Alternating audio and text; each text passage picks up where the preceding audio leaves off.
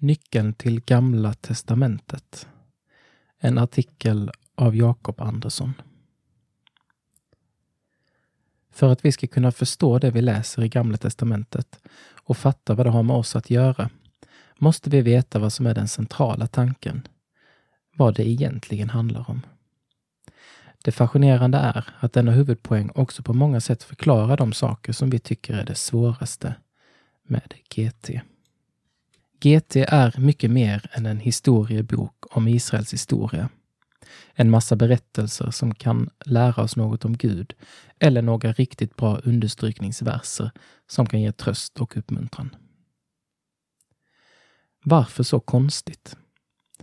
Om vi utgår från att GT är Guds ord till hela mänskligheten, alltså att universums skapare valt att skicka ett skriftligt meddelande till oss alla, så följer det med den utgångspunkten en hel del frågor. Varför handlar det mest om Israel? Varför alla dessa gamla historiska skildringar?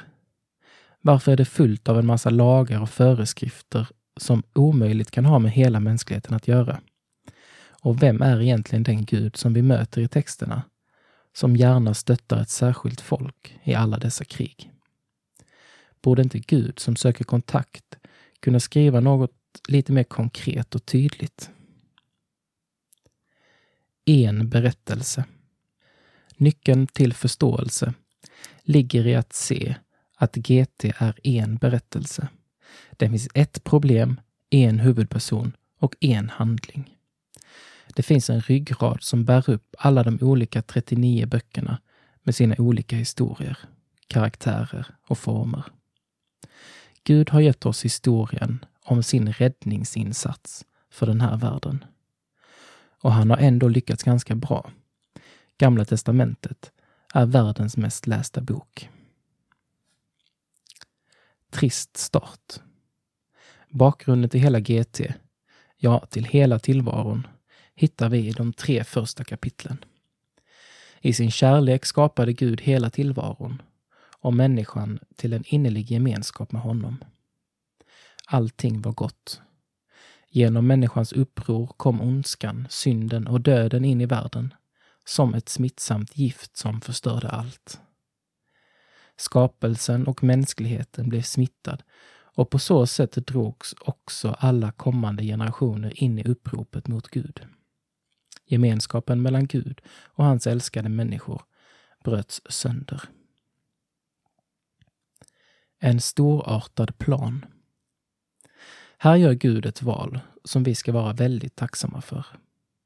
Han gör inte det rimligaste, att trycka på kontroll alt delete och avsluta sin skapelse.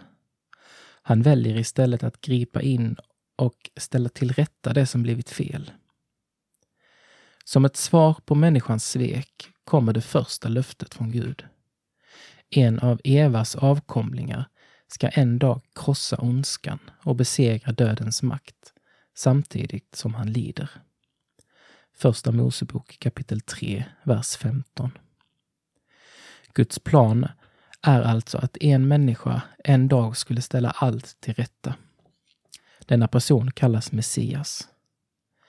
Vi som har läst GTs uppföljare vet att det är sin egen son som Gud planerar att sända till jorden genom att låta honom bli människa.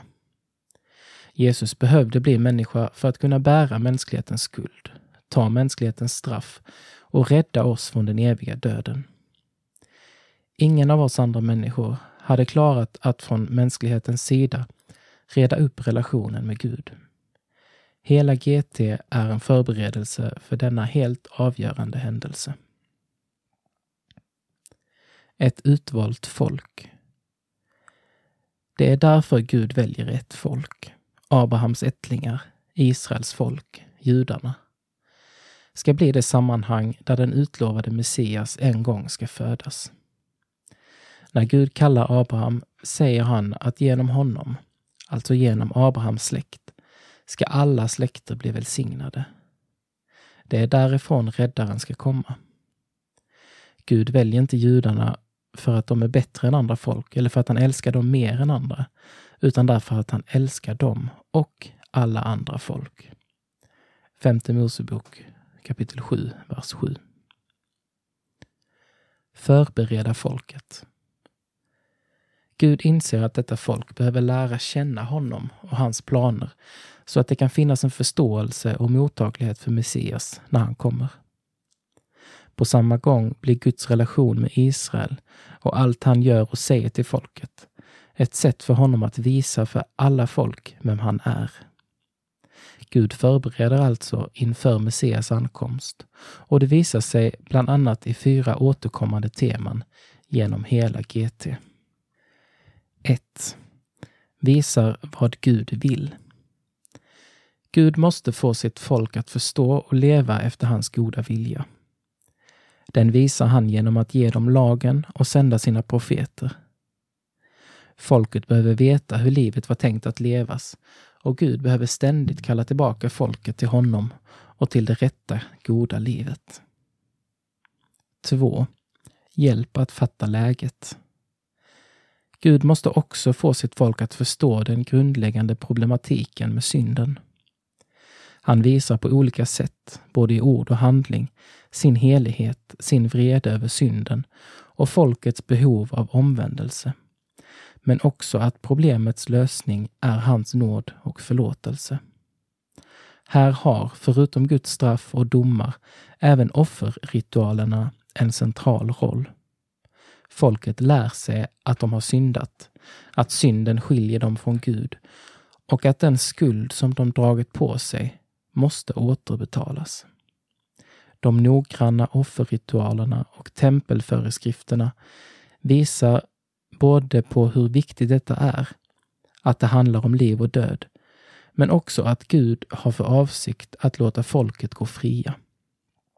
Någon annan tar straffet så att Guds folk kan räddas. 3. Skydda folket. Gud behöver också skydda och bevara sitt folk, förutom moraliskt även rent konkret. Han ger specifika lagar och regler som gör att Guds folk blir annorlunda. De ska veta att de är utvalda, att de inte är som alla andra. Detta får inte glömmas bort genom århundradena fram till Messias födelse. Och därför blir traditionerna och sederna så viktiga. De bär den judiska identiteten vidare. Dessutom skyddar och leder Gud sitt folk i krig mot andra länder. Han håller sina händer runt sitt folk. Inte bara för att visa hur han vill hålla händerna runt varje människa, utan för att beskydda dem från att utplånas och beblandas med andra folk. Israel måste överleva, inte främst för sin egen skull, utan för hela världens skull. Detta kan kännas märkligt, framförallt när Guds folk inte ens sköter sig bättre än andra. Men Gud gör det alltså för att Messias ska kunna födas, så att alla folk ska kunna bli räddade genom honom. 4. Allt pekar framåt. Genom sina profeter och genom de händelser som skrivs ner talar Gud gång på gång om Messias som ska komma.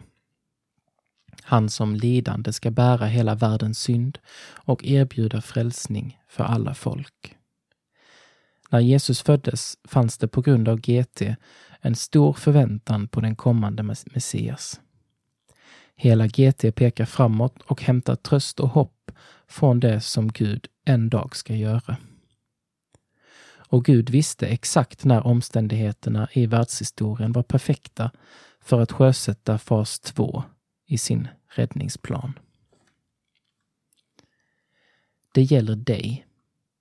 Guds folk och räddningsplanen med den kommande Messias är alltså den ryggrad som bär upp GT och en nyckel för att förstå texterna. Genom GT lär vi känna vem Gud är och vad han har gjort för oss. För GT är inte bara berättelsen om Israels folk. På grund av Jesu död och uppståndelse kan också du bli en del av Guds folk. På så vis gäller Guds löften, Guds trofasthet och Guds frälsning också dig. Gamla testamentet är den första delen i historien om vad Gud har gjort för att få ha dig som sitt barn.